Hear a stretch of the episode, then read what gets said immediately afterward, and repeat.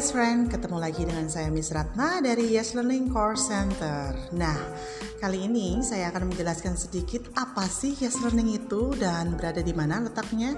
Nah, Yes Learning sendiri merupakan suatu lembaga bimbingan belajar di mana kita memberikan pembelajaran bisa melalui private maupun grup di bidang akademik dan non-akademik. Nah, kira-kira akademik itu apa aja ya? Akademik itu kita membaginya untuk mata pelajaran di mana para siswa bisa belajar untuk semua mata pelajaran contohnya seperti matematika, bahasa Inggris, bahasa Mandarin, dan lain sebagainya. Nah, kalau untuk di non akademiknya sendiri, para yes friends itu bisa belajar untuk mengembangkan bakat maupun minat.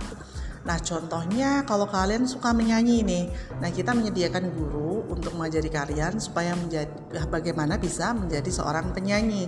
Bagaimana sih cara menyanyi yang benar dan juga ada non akademik lainnya seperti menari, modern dance, swimming maupun kegiatan lainnya. Nah, kalau kalian pengen tahu itu bisa di mana aja, kita kantor pusatnya berada di Surabaya Barat, tepatnya di Jalan Raya Darmo Permai 3, Puncak Permai Square, Surabaya.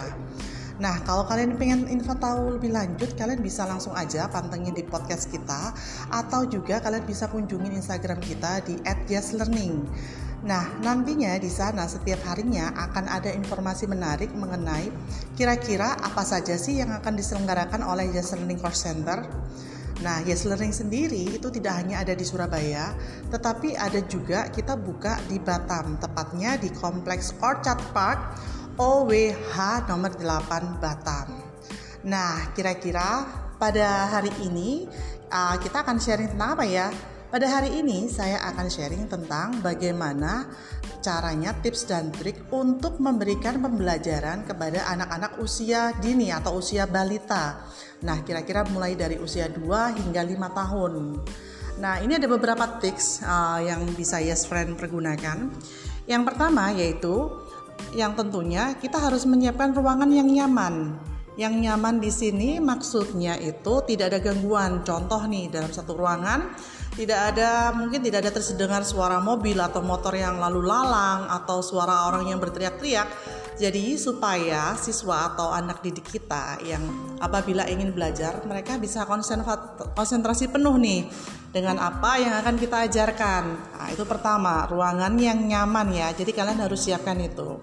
Dan yang kedua, kalian siapkan alat peraga karena untuk anak-anak usia dini yang balita apalagi usia 2 hingga 3 tahun itu mereka akan lebih tertarik uh, untuk kita siapkan alat peraga. Bisa seperti boneka atau flashcard atau ruangannya berwarna musik atau kita mungkin ada sedikit game permainan. Nah itu akan lebih memudahkan kita untuk mengajari mereka Nah, yang ketiga yaitu kalian harus menyiapkan beberapa trik seperti game atau permainan.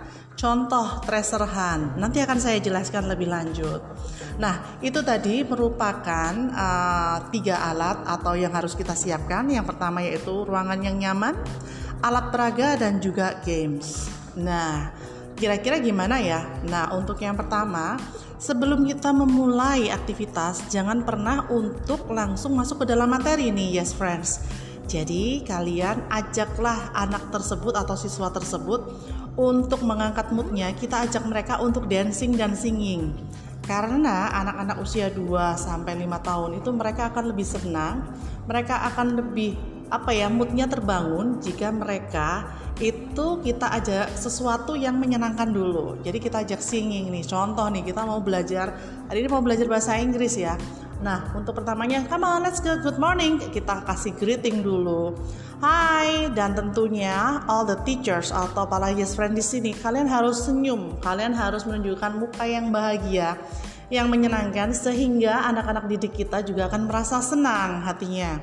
Nah, setelah kita uh, berikan greetings, good morning, how are you today, dan lain sebagainya, kita langsung ngajak mereka untuk dancing. Come on, uh, let's us dancing. Nah, untuk dancing di sini kita pilihkan lagu-lagu yang memang uh, biasanya mereka dengarkan. Mungkin bisa The Wheels on the Bus atau lagu ABCD atau masih banyak deh contoh-contoh lagu. Nah, kalian harus pantengin terus podcastnya kami. Nanti di next berikutnya kita akan memberikan kira-kira lagu-lagu apa aja ya yang biasanya cocok untuk anak usia dari 2 hingga 5 tahun. Nah, setelah kita bangun mood mereka untuk menari dan juga menyanyi, Nah, lalu kita akan siapkan alat peraga. Contoh hari ini saya akan mengajarkan tentang color, tentang warna. Saya sudah menyiapkan beberapa boneka dengan beraneka ragam warna dan juga flashcard tentunya dengan aneka ragam warna. Jadi kita akan memberikan masuk nih tentang color. Nah, dari situ setelah anak-anak singing dan dancing, uh, tadi contohnya kan the wheels on the bus. The wheels on the bus goes round and round. Nah, saya akan membawa alat peraga. Di situ ada bis. Nah, setelah selesai nyanyi, kita tanya, what color is the bus? Nah, mereka akan lihat, oh ternyata base yang saya bawa adalah warnanya merah. Mereka akan bilang this is red. Nah nanti kita akan mengulang this is red. Jadi kita akan mengulang terus apa yang kita ajarkan. Ya anak kecil tersebut tertarik. Nah setelah bassnya warnanya red Nah, nanti kira-kira penumpangnya itu tadi ada siapa aja. Nah, saya sudah siapkan beberapa boneka bear dengan warna atau baju yang berwarna-warni. Oke, okay, this is passenger number one. Go inside. Ini uh, bear number one. Bear numbernya one-nya itu kira-kira pakai baju apa ya? Nah, mereka kita masukkan this is yellow. Nanti begitu seterusnya. Setelah itu kita akan bermain lagi. Nanti bearnya akan kita taruh di tempat-tempat yang mereka tidak tahu. Nah, di situ mereka akan kita ajarkan you have to find bear number one. Jadi seakan terserhan mencari bearnya itu tempatnya ada di mana. Nah, gimana? Yes friends. Mudah banget kan? Jadi, untuk memang anak-anak usia dini, kita harus lebih uh, atraktif juga dan pastinya berikan pembelajaran yang menyenangkan karena anak usia dini seperti usia 2 sampai 5 tahun mereka akan lebih senang jika kita melakukan aktivitas atau kegiatan. Mereka tidak bisa disamakan dengan anak-anak yang usianya sudah di atas 10 tahun yang bisa duduk tenang untuk langsung menulis ataupun mendengarkan instruksi dari guru.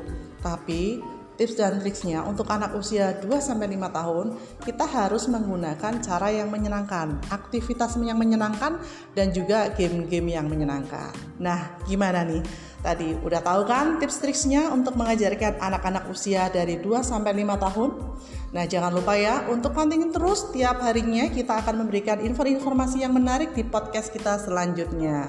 Oke, apabila ada pertanyaan atau apa bisa langsung aja menghubungi kami di 081 2354 22626. Oke, saya Miss Ratna dari Yes Learning Course Center.